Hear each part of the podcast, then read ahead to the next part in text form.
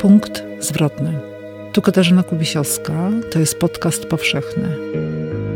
Zapraszam na cykl rozmów o punktach zwrotnych w życiu i końcach, które stają się początkiem. Dziś o punktach zwrotnych będę rozmawiać z Ryszardem Koziołkiem. Dość szybko przyszła do nas taka świadomość, że to trwa cholernie krótko. To znaczy ten czas, kiedy oni są dziećmi. Wiesz? Być może czytanie, wiesz, być może w naturalny sposób refleksja nad czasem, którą, na którą cię uczula lektura, literatura zwłaszcza, która się w ogóle zajmuje głównie tym, czego nie ma, czy co było, a czego nie ma. No to, to daje ci takiego kopa, żebyś nie przegapił czegoś istotnego. A sama dobrze wiesz, że to trwa ile? Trzy lata? Cztery? Kiedy, kiedy to się wszystko dzieje i jest genialne, a potem, a potem się kończy, bo dziecko idzie do przedszkola i, i już nie jesteś najważniejsza.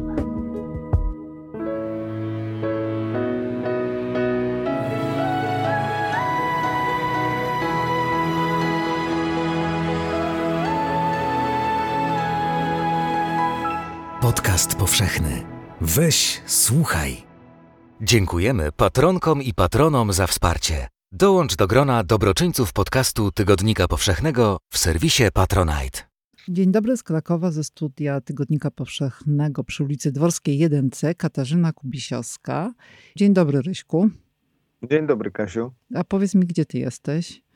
W domu niestety. Znaczy lubię być Tam Bardzo pod... lubię być w domu, ale to niestety oznacza, że, że siedzimy przed komputerem zamiast usiąść w, w kawiarni czy, czy na plantach mhm. i rozmawiać jak ludzie. Mhm. Ale twój dom jest od Krakowa jakieś 170 kilometrów, prawda? Coś ty, 80. O, bliżej. Mhm. No wiesz, ale do, masz rację, masz rację w sumie, bo, bo ja jestem w mieszkaniu w Katowicach, a od, od, od niedawna też zaczynam myśleć o, o, o domu, który, który remontujemy mm, z Krystyną od y, dłuższego czasu, który się mieści w Kisielowie, czyli na starych moich rodzinnych ziemiach cieszyńskich. Mm. Y, ja nie bez powodu pytam y, o to miejsce i o ziemię cieszyńską, bo zawsze mnie frapowało taka kwestia, czy ty w ogóle stamtąd kiedykolwiek chciałeś pojechać w świat? Na przykład do Krakowa, albo do Warszawy, albo do Paryża i w ogóle po prostu zmienić miejsce na wiele, wiele lat, a może na zawsze. Ciągnęło cię? Ale, ale rzeczywiście, oczywiście. Zwłaszcza, że moja rodzina e, tamtejsza to byli patologiczni tubylcy, którzy w ogóle, wiesz, jak grzyby wrośli w tę glebę cieszyńską i nigdzie się nie ruszali. Legendarną postacią jest moja babcia Hela, która całe życie poruszała się w okręgu o promieniu mniej więcej 20 kilometrów. Z tego co ja pamiętam, najdalsza jej wyprawa była do Bąkowa, do swojej ciotki.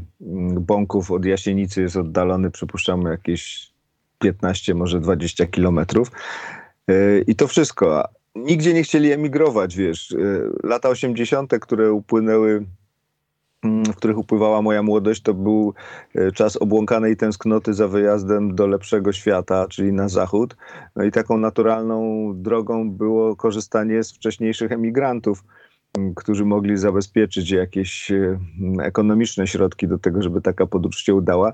Ale za diabła nie można było w naszych, e, wśród naszych krewnych znaleźć nikogo, kto by się na taką emigrację zdecydował i, i biednego kuzyna z prowincji zaprosił. Także tak, tęskniłem do tych światów, o których czytałem, do tych wszystkich Paryżów, Ameryk, ale Warszaw, mhm. Krakowów jak najbardziej. No a ja myślę jeszcze o czymś innym, że e, pójdźmy dalej tym tym tropem, czyli o y, tożsamości, o języku, y, o ludziach, kulturze, w których się wychowujesz i traktujesz to od dziecka i młodości jako coś zupełnie naturalnego, mhm. a w pewnym momencie, być może to jest punkt zwrotny, ta świadomość, zaczynasz y, to bardzo doceniać. Nie wyobrażasz nie, sobie moim życia... Zdaniem jest... Mhm. Nie, no. E, nie, nie, to znaczy to tak się nie dzieje. To znaczy, jeśli jesteś mocno, mocno zakorzeniony w prowincji i w całym tym kosmosie e, lokalności, na który składa się język, obyczaje, strój, kuchnia, mm, e, natura, kompleksy, bo nie ma w ogóle doświadczenia tożsamości bez kompleksów, no to y, pierwszym zetknięciem z innym, z obcym, z, z kimś spoza twojego terenu jest to, że stajesz się widzialny dla nich, a przez to i dla siebie. No więc takim momentem zwrotnym dla mnie było, były wakacje nad Morzem Polskim Bałtyckim y, i wejście w jakieś relacje e, z, z miejscowymi dziećmi czy, czy, czy młodzieżą. I nagle jedno z tych, tych y, dzieci powiedziało mi, a, ty jesteś ze Śląska. Mhm. I mnie to, wiesz, mnie to wprawiło w jakiś taki rodzaj osłupienia, jakbym został przyłapany na czymś wstydliwym. Nie dlatego, że ja się Śląska wstydziłem, ale to, że on nagle zobaczył to we mnie, wiesz. Byliśmy podobnie ubrani, niczym się nie wyróżnialiśmy i on nagle zobaczył we mnie kogoś stamtąd, już pomijając to, że ja się w ogóle nie czułem Ślązakiem, bo Śląsk to, był dla mnie, to były dla mnie Katowice, kopalnie, huty, a ja byłem, wiesz, niedaleko Cieszyna, między Bielskiem a Cieszynem. A właściwie tak naprawdę Cieszyn i Bielsko to były już obce krainy. Ja byłem mhm. stamtąd, mhm. ze wsi. I on mnie zobaczył, a raczej nie tyle zobaczył, co usłyszał, ponieważ on mnie zidentyfikował poprzez e, język. Ja nie mówiłem gwarą, Mm, a w każdym razie mm, tak mi się wydawało, że nie mówię. Już na pewno nie, nie godołech, tak jak się godo na Górnym Śląsku, bo jednak Gwara Cieszyńska i Górnośląska są mhm. kompletnie inne, są zupełnie inne socjolekty. Ale on to usłyszał, wiesz, on to usłyszał w intonacji, może w jakimś jednym słowie, ale raczej w melodii. I on mnie przyłapał. To było takie gombrowiczowskie przyłapanie. On mnie przyłapał na jakimś tak to zrozumiałem, na jakimś, na jakimś defekcie, na odrębności. Ja nie chciałem być inny, ja chciałem być taki sam jak wszystkie, wszystkie dzieci. Więc moja, moje przekonanie jest jednak inne niż twoje, że, że do tego, do tej zgody, do tego pogodzenia się, już nie mówiąc o, o wartościowaniu i dumie z, ze swojej lokalności, dochodzi się chyba najpierw poprzez rodzaj mm, jednak stygmatyzacji.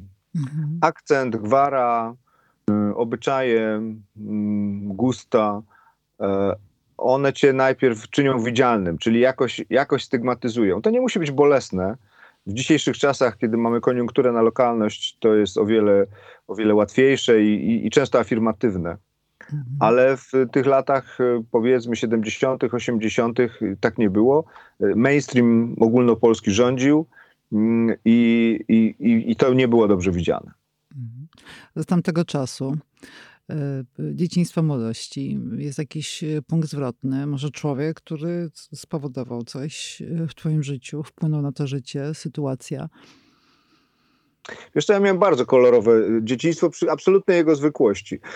No tylko, wiesz, dzieciństwo to jest kraina, które, z której trzeba zostać wygnanym, żeby zrozumieć, gdzie się było nie ma bardziej zmitologizowanego mm, okresu życia niż dzieciństwo i większość naszych nostalgii e, lub też nawet traum, e, one wymagają bardzo podejrzliwego spojrzenia. Mm, ponieważ kiedy jest się w środku, a bycie dzieckiem to znaczy zawsze bycie w środku, bo nie mamy zdolności refleksyjnych, wystarczająco wyćwiczonych, y, nie mamy zdolności krytycznego myślenia, dystansowania się od, od siebie samych, od swojego doświadczenia, po prostu przeżywamy. Stąd, stąd wydaje nam się, że byliśmy wtedy szczęśliwi, mm, y, bo cali zanurzeni w zabawie, czy w przeżywaniu, czy w smutku, bez możliwości spojrzenia na to z zewnątrz. No więc e, e, to moje dzieciństwo miało kilka takich bardzo mocnych postaci. O, o, o niektórych z nich pisałem i mhm. mówiłem. Dwie babki, które, które były takimi osiami, takim moją, moją stroną Mezeglis i stroną Germonte, mm, e, czyli babka Milka, która była katoliczką i, i była pulchną, okrągłą, witalną kobietą z oczywiście powikłanym życiorysem, jak większość mhm. żyjących ludzi. E, I, I, która miała w sobie takie, taką właśnie ciepło taką, takie ciepło i afirmatywność i z drugiej strony babka Hela, która była luteranką, chłopką, żylastą, twardą, surową, wiesz, taką, mm. tak jak, nie wiem, czy pamiętasz Fanny Aleksander Bergmana, mm -hmm. No więc tam te dwie, dwie strony, jednej, z jednej strony drugi mąż bohaterki i tak. ojczym Surowy. Aleksandra, surowy mhm. biskup, prawda, potworny, taki demoniczny. A pierwszy ten ciepły umiera. Właśnie, a ten ciepły umiera.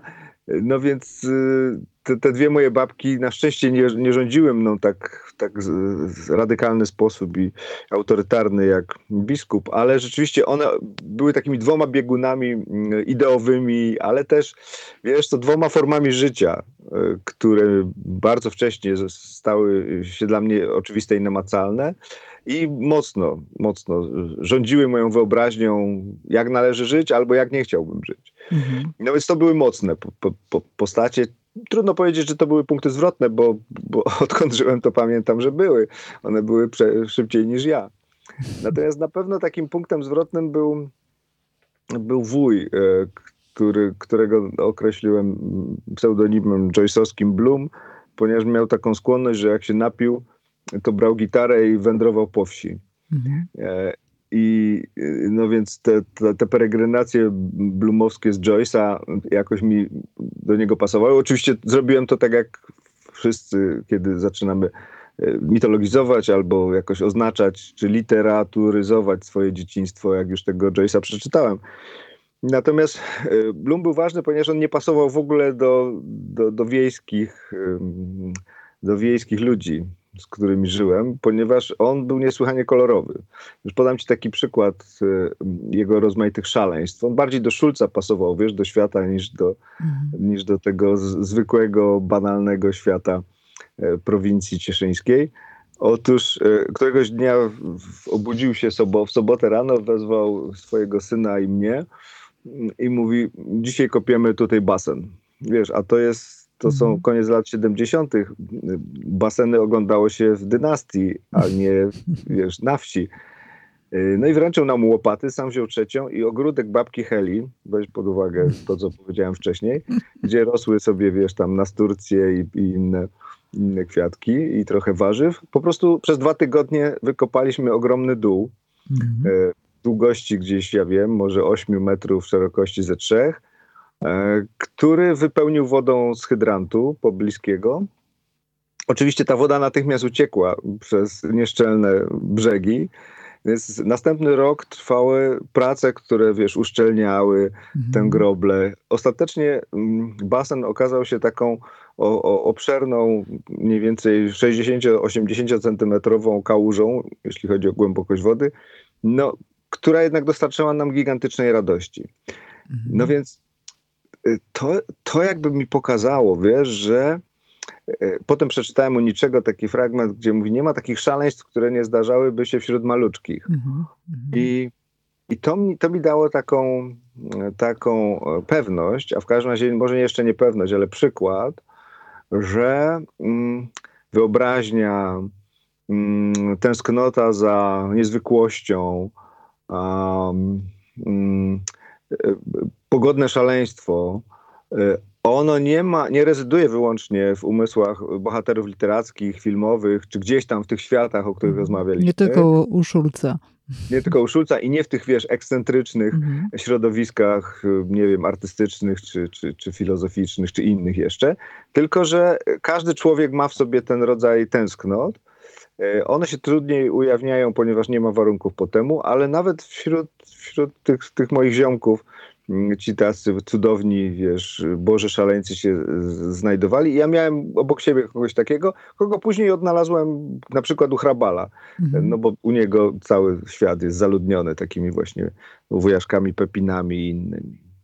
Ciekawi mnie, czy później ty miałeś um, taką możliwość, żeby zrealizować swoje szaleństwo.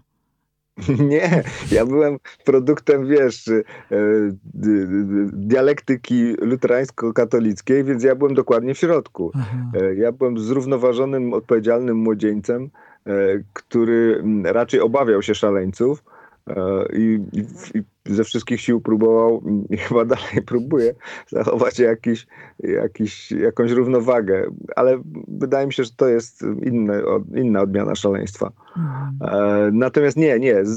Tu muszę powiedzieć, że zabrakłoby mi odwagi do, do tego, co, e, co, co miał w sobie mhm. Gustek, bo tak się nazywał naprawdę. Mhm. E, Bloom. A czy to jest też czas masz naście lat. Y, czy to jest czas y, no, chyba ważnych lektur? Czy to wtedy się czytasz jakąś pierwszą ważną książką. Być może nie jest to Sienkiewicz, a być może jest. Która... Nie, nie. Mhm. Sienkiewicz, mhm. Sienkiewicz był oczywisty. On, on nie był szokiem, jakimś przeżyciem wielkim. On, dlatego, że wspomniana babcia Milka była wielką fanką Sienkiewicza i ona mi go opowiadała jeszcze zanim potrafiłem czytać i pisać. E, traktowała to jako bajki na dobranoc, manipulowała fabułą, zmieniała, zmyślała, wybierała wątki, które się jej najbardziej podobają. Więc mnie się wydaje, że ja Sienkiewicza znałem odkąd się urodziłem. Mhm. E, on nie, nie, nie wywołał przeżycia.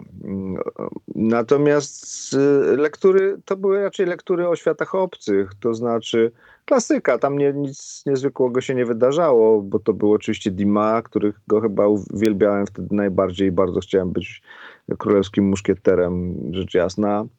Um, Tomek Sawyer, to, to jest oczywiste, bo to mi jakoś pasowało. Co miałem problem z Tomkiem Sawyerem, ponieważ nie miałem Mississippi. I, i, wiesz, być może, teraz sobie tak myślę, te próby szaleństwa były e, pisane przez scenariusze literackie i ja bardzo chciałem się zidentyfikować z bohaterami, ale tak konkretnie. Czyli na przykład jak czytałem Tomka Sawyera, że on, wiesz, chodzi w spodniach tam uciętych powyżej poniżej kolan z kijem i boso, no to chciałem robić dokładnie to samo i mhm. też tak robiłem. Mhm. Tylko, że nie zaszedłem dalej niż parę metrów za ogrodzenie domu na łąkę, ponieważ natychmiast ostre trawy i kamyki po, po, pokaleczyły mi stopy kompletnie nieprzygotowane do chodzenia boso. Więc takim, być może jednym z takich drobnych punkcików zwrotnych była wczesna refleksja, że literatura i życie jednak się nie zgadzają. Mhm.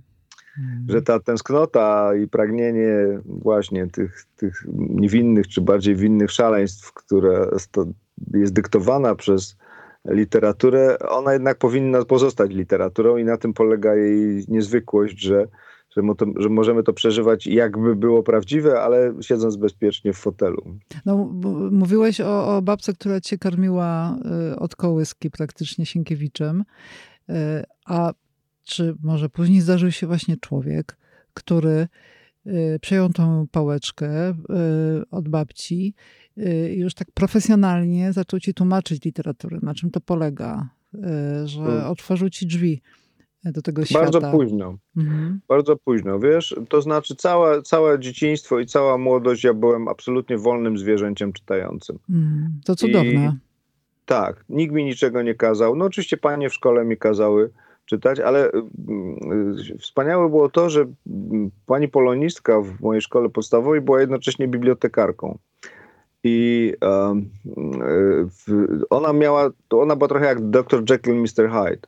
Czyli na zajęciach, na lekcjach była tym Hyde'em, który wymagał czytania lektur, ale po południu szła do biblioteki gminnej, a ja oczywiście w, przy, przybiegałem tam mm, dwa, trzy razy w tygodniu.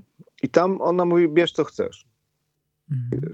I pozwalała mi robić rzeczy, które zwykle w bibliotekach się nie pozwala. No teraz, tak, ale nie wtedy, przecież wiesz, to książki były relikwiami. E, ona pozwalała mi po prostu łazić między regałami, wybierać co chcę, brać jakie chcę książki do domu.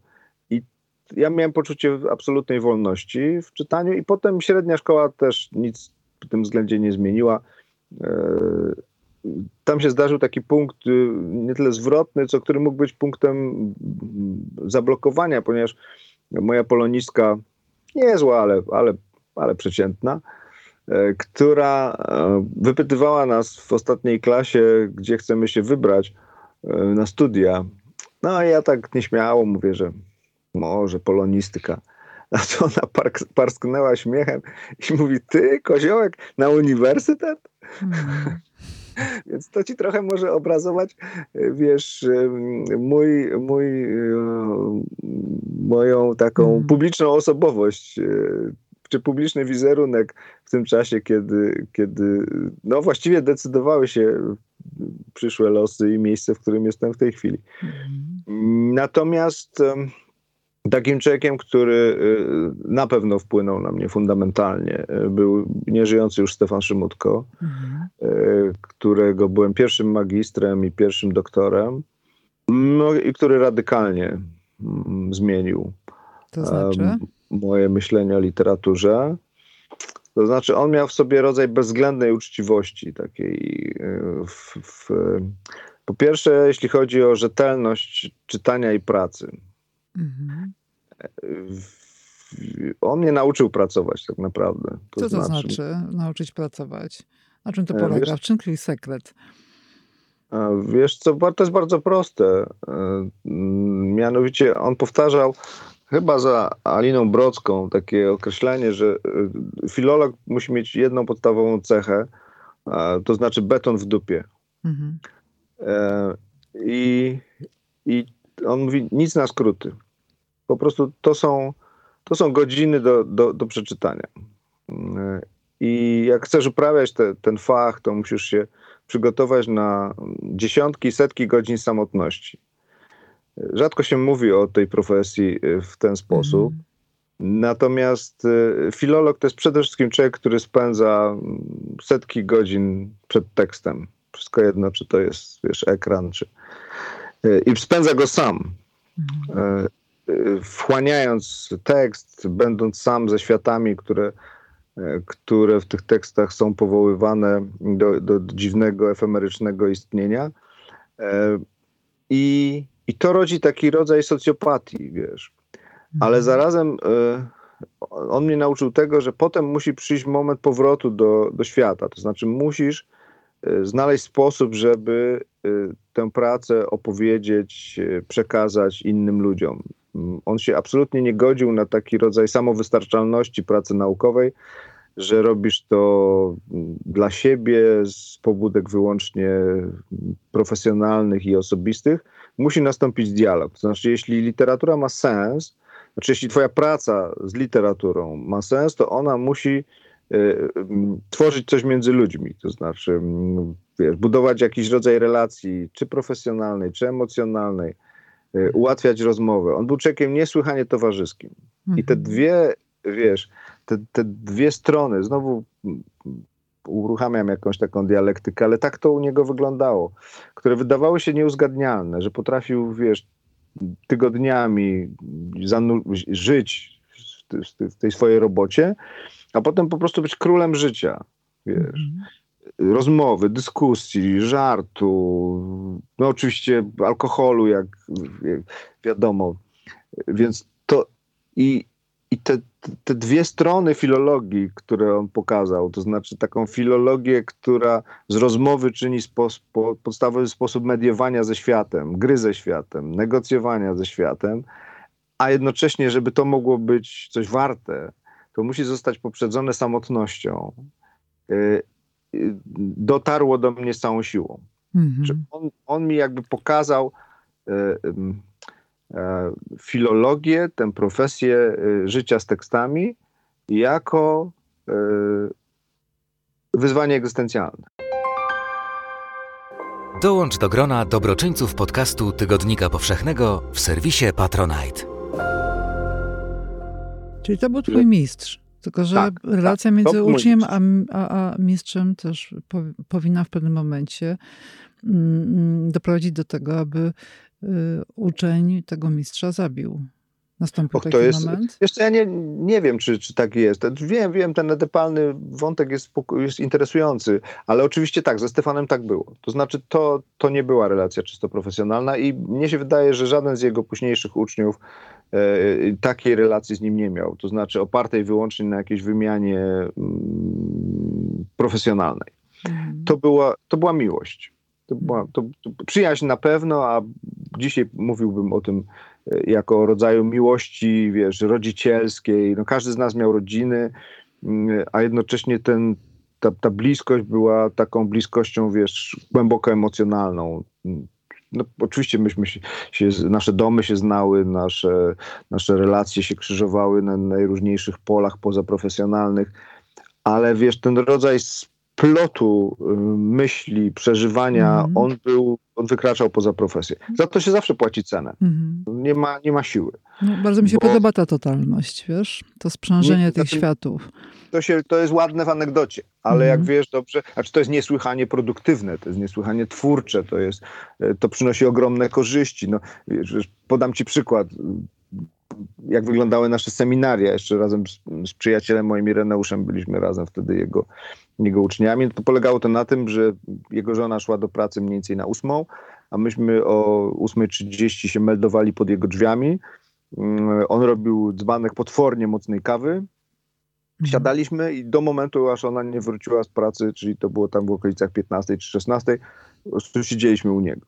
Mhm. Trochę plotek, trochę informacji o świecie, a potem sprawozdanie z lektur, rozmowa, koncepcje, próby. Wiesz, to było bezwzględne. Jak ja mu przyniosłem pierwszy rozdział pracy magisterskiej, on to przeczytał, spotkał się ze mną następnego dnia i mówi, napisz to na nowo. Ja mhm. mówię, Stefan, ale o co chodzi? Co ci się nie podoba? Napisz to na nowo. Ja się obraziłem na niego wtedy, wiesz. Jak? Bez, bez słowa krytyki, wiesz, bez niczego. Żadnej bez wskazówki, tak? Nic, nic. Po prostu mhm. napisz to na nowo. Oczywiście jak mi przeszło, po dwóch czy trzech dniach zacząłem to czytać, no zrozumiałem, co miał na myśli, o co mu chodziło, wiesz. Mhm. To był oczywiście efekt iluś naszych rozmów wcześniejszych.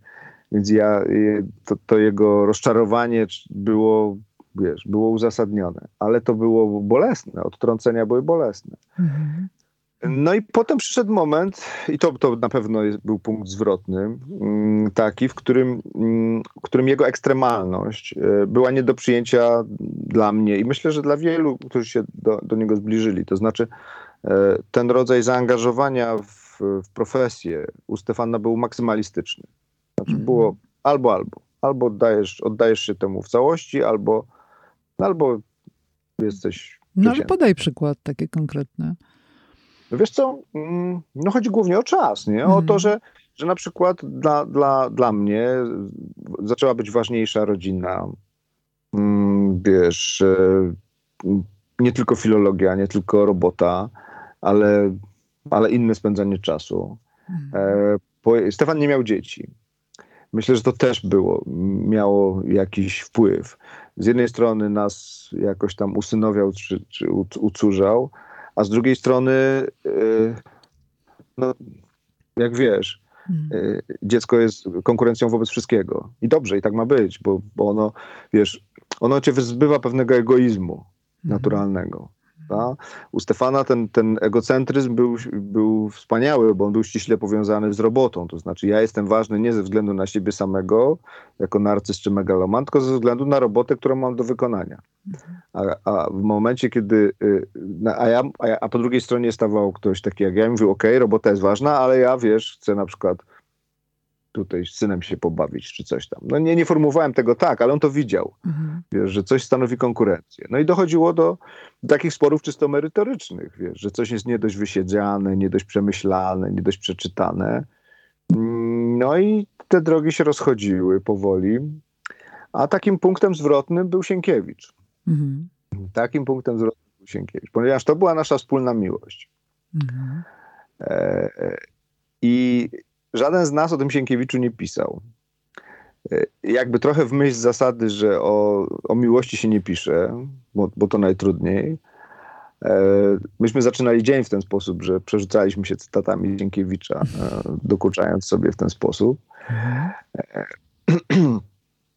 No więc i ale myślę, że też nie pisaliśmy, trochę się bojąc, to znaczy za dobrze to znaliśmy, za, za bardzo wiedzieliśmy. To jest trochę tak jak napisać o Sienkiewiczu, o Mickiewiczu książkę. Mm. To jest to, to, samo wyzwanie. Prawda? Himalaje literatury przedmiotu e, i, i, i, to wie, wielkich nazwisk. Mm. I teraz masz to wejść. Więc każdego z nas, myślę, nigdyśmy się sobie tego nie wyjawili. No i ta myślę, miłość, prawda, taka... jest też dość niebezpieczna. Czyli tak, można tak. stracić dystans. To raz, ale poza tym też nasza wzajemna relacja. No mhm. wiesz, każdy, kto. Stefan był starszy, on był mistrzem, on by mógł napisać. Mhm. Więc, y, ale gdybym ja za, napisał pierwszy, no to, to, to byłoby, wiesz. ale zdrada. trójkąt powstał. No, to, oczywiście, nie? Mhm. Kto, kogo, kogo bardziej kocha e, Sienkiewicz w jakimś sensie. Mhm. No i, i potem nas, i, i to się zaczęło, zaczęliśmy się oddalać w taki delikatny sposób. To znaczy bez, oczywiście były różne epizody, spory, jak to w przyjaźni, czy w miłosnej przyjaźni, ale nie było wydarzenia, wydarzenia. Po prostu jakbyśmy się powoli oddalali na, na dwóch wiesz, wyspach. A czy on zdążył przeczytać momentem... ciała Sienkiewicza? Nie, nie, właśnie do tego zmierzam. Mhm. Właśnie do tego zmierzam. I kiedy już było, kiedy już byliśmy dość daleko, ja zacząłem pracować nad Sienkiewiczem. On wiedział, że ja zaczynam pracować nad Sienkiewiczem.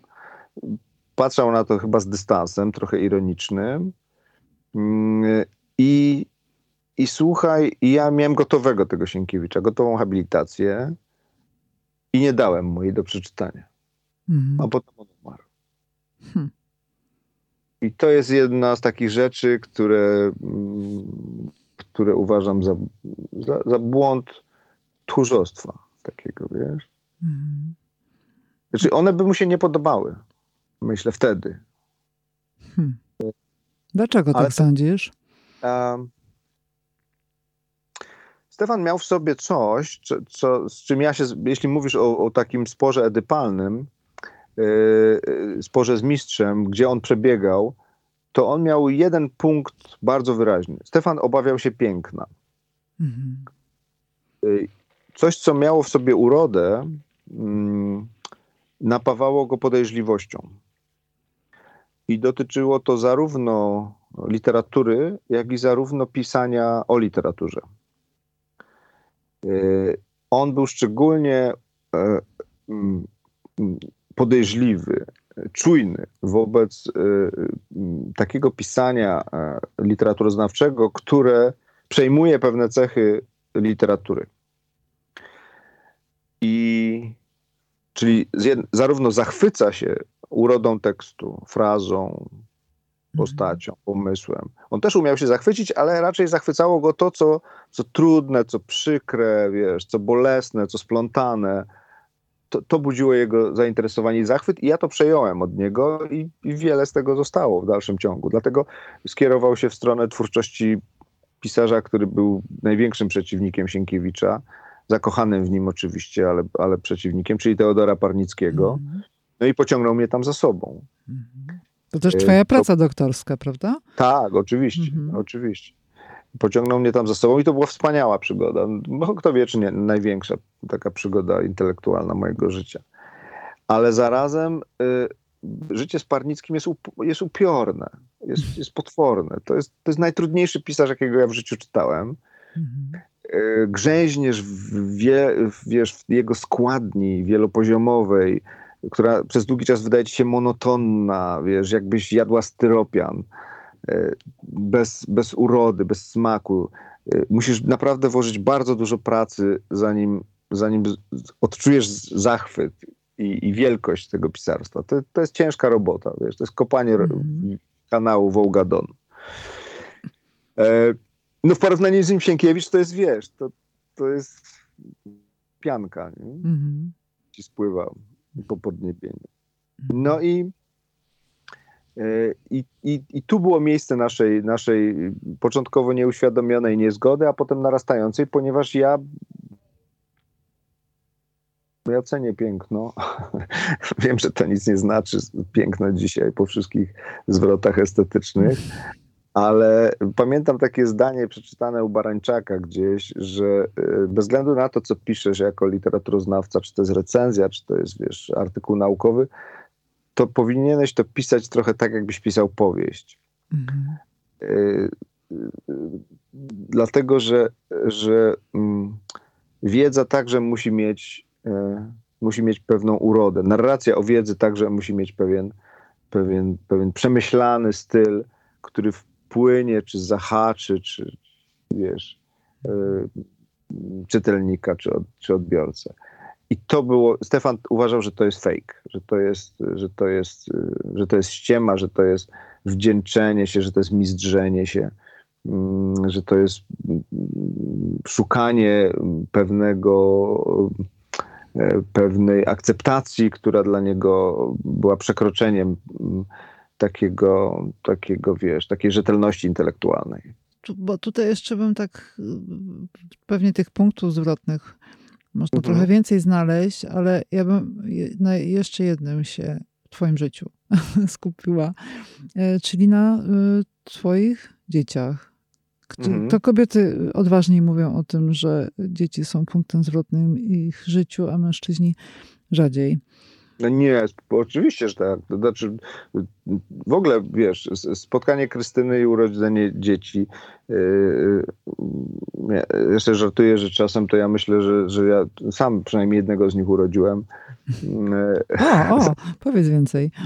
No, byliśmy razem, wiesz, przy tym, no, ale to, nie, no, to byłoby dopiero okropne, gdybym, wiesz, o narodzeniu dziecka mówił z, z mhm. pozycji podmiotowej. Nie, to, mhm. to było coś, to było, to było rzeczywiście niez, niez, niezwykłe doświadczenie. Nie wiem, czy zwrotne, bo jakoś wydawało mi się, że, że to jest, to jest po prostu częścią nas, a nie, a nie coś. Od, od samego początku mam na myśli dziecko. dziecko. No, powiedziałeś I, trochę tak. zwrotne, że po prostu jak stajemy się rodzicami? Nasz egoizm się pomniejsza tak. i wchodzi na drugą tak. linię prawda? To jest wspaniałe, a, ale z drugiej strony y, dziecko, przynajmniej tak było ze mną, pozwalało mi odzyskać siebie, wiesz, takiego, no właśnie te, te, te szaleństwa drobne, czy, czy, czy, różne, różne pragnienia realizacji mm, jakichś, jakichś beztroskich działań, one stały się możliwe dzięki chłopakom. Mhm. E, dlatego, że wiesz, y, ojciec chłopaków ma fajnie. No bo może się na nowo bawić zabawkami e, swojego dzieciństwa, a zwykle, a, a, nawet kupić sobie lepsze i takie, których nigdy nie miał. Mhm. Mm, e, poza tym mm, ja miałem, dość szybko przyszła do nas taka świadomość, że to trwa cholernie krótko. To znaczy ten czas, kiedy oni są dziećmi, wiesz. Mhm. Być może czytanie, wiesz, być może w naturalny sposób refleksja nad czasem, którą, na którą cię uczula lektura, literatura zwłaszcza, która się w ogóle zajmuje głównie tym, czego nie ma, czy co było, a czego nie ma. No to, to daje ci takiego kopa, żebyś nie przegapił czegoś istotnego. A sama dobrze wiesz, że to trwa mhm. ile? Trzy lata? Cztery? Kiedy, kiedy to się wszystko dzieje i jest genialne, a potem a potem się kończy, bo dziecko idzie do przedszkola i, i już nie jesteś najważniejsza, bo, bo przychodzi i mówi, nie, nie, pani w przedszkolu powiedziała, że jest inaczej, albo że ma być tak. I czujesz, że zaczynasz, że, że zaczyna ci to, że zaczyna ci ten, to co jest twoje, to co jest, wiesz, z kości twoich e, odchodzić. E, najważniejsze doświadczenie, nie ma, nie ma co gadać. Nic, nic ważniejszego mhm. na świecie. Tylu rzeczy się uczysz, nie ucząc się niczego, że, że nie sposób tego porównać z niczym innym. Mhm. Ale no. to, to, co, to, to, tu bym się trzymał cały czas tej, tej, tej, tej, tej, wiesz, tej, tego stwierdzenia wcześniejszego, że, że jeśli dasz sobie szansę, to, e, to, to bycie rodzicem wyzwala cię z tego narcyzmu, mhm.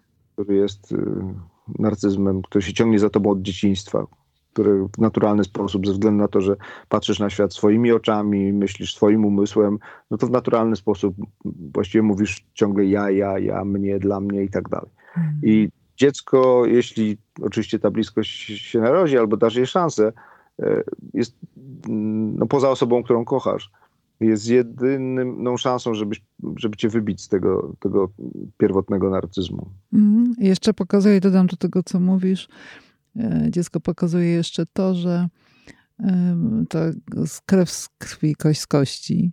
E, ktoś z nas, e, ktoś zrodzony z, z uczucia jest zupełnie inny niż myślimy.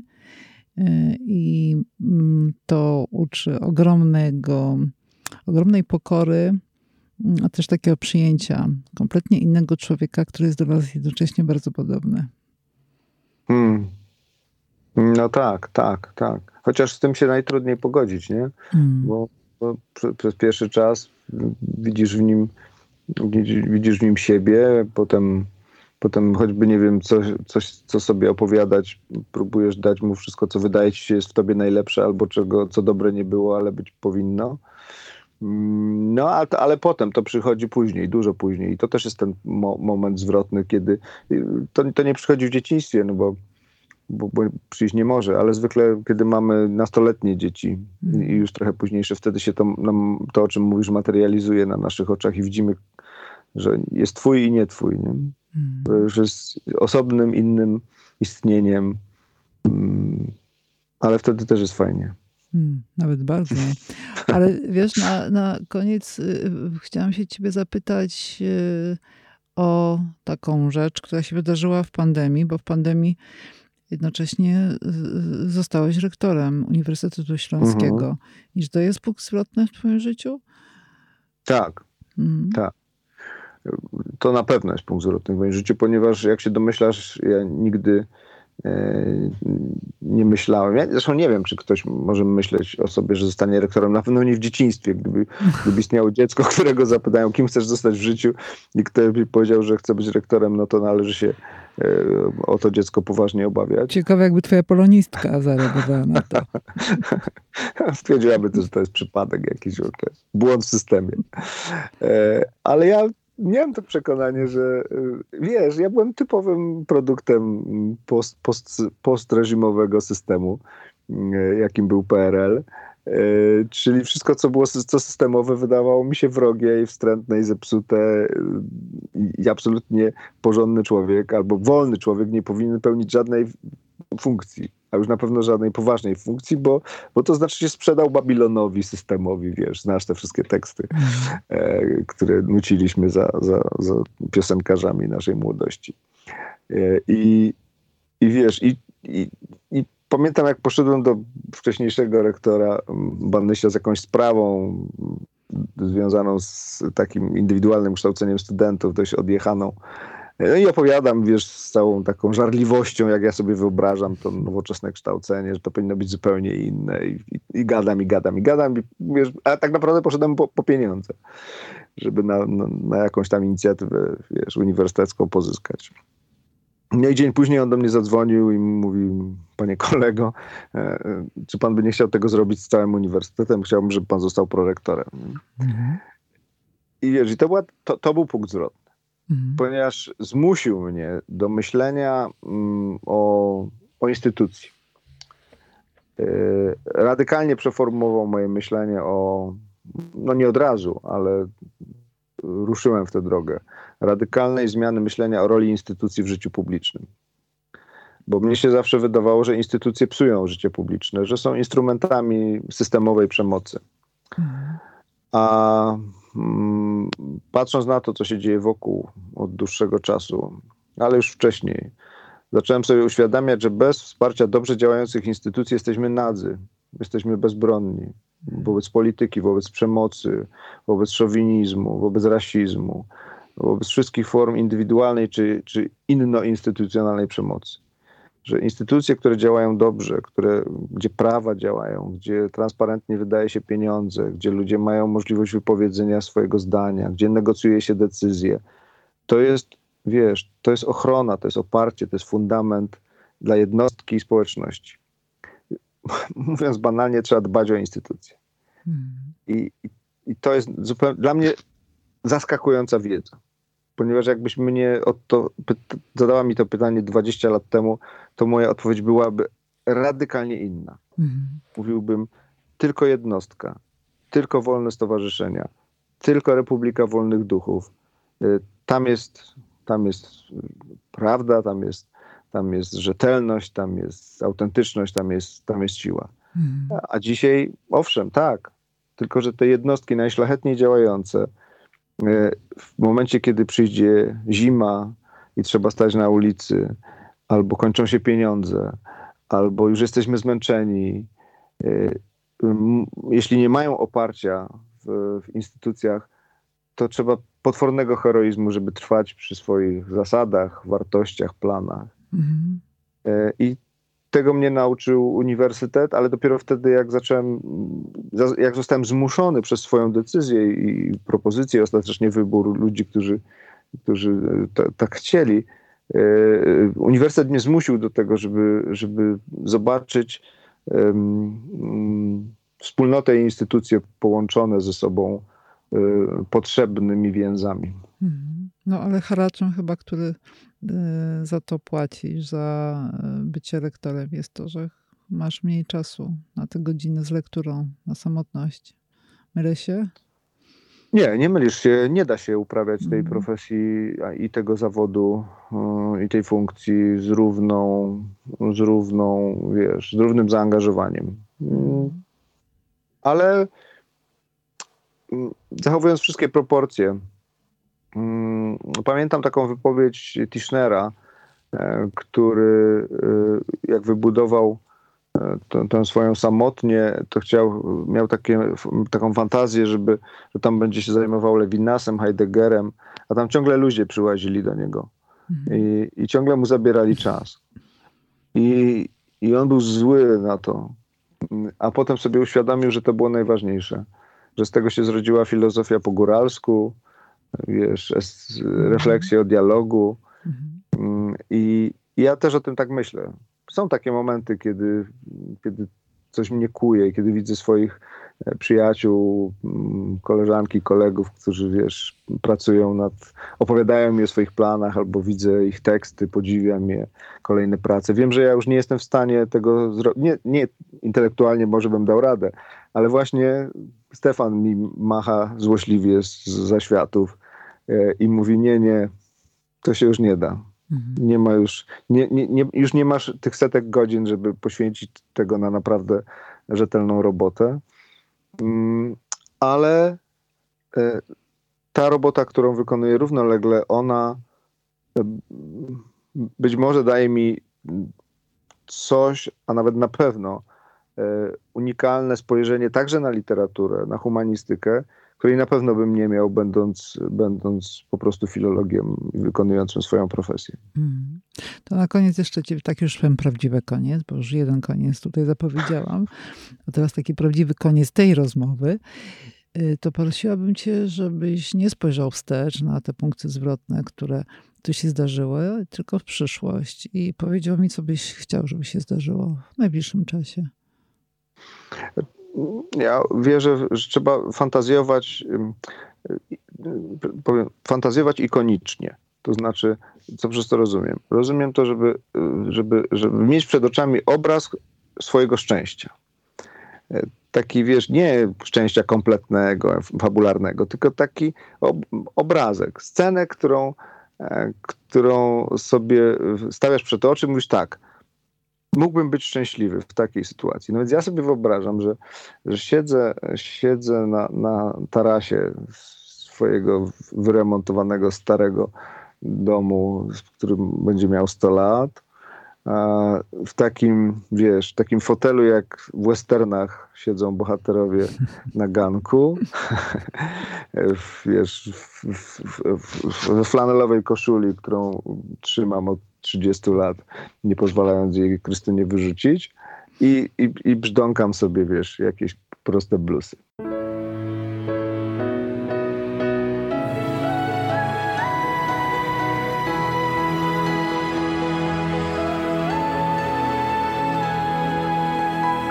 Podcast powszechny. Weź, słuchaj. Jeśli słuchają nas Państwo w Spotify albo w Apple Podcasts, zasubskrybujcie nasz kanał. Jesteśmy też w Google Podcasts i w aplikacji Lekton oraz na www.tygodnikpowszechny.pl/podcast. Dziękujemy patronkom i patronom za wsparcie. Współwydawcą podcastu powszechnego jest Fundacja Tygodnika Powszechnego.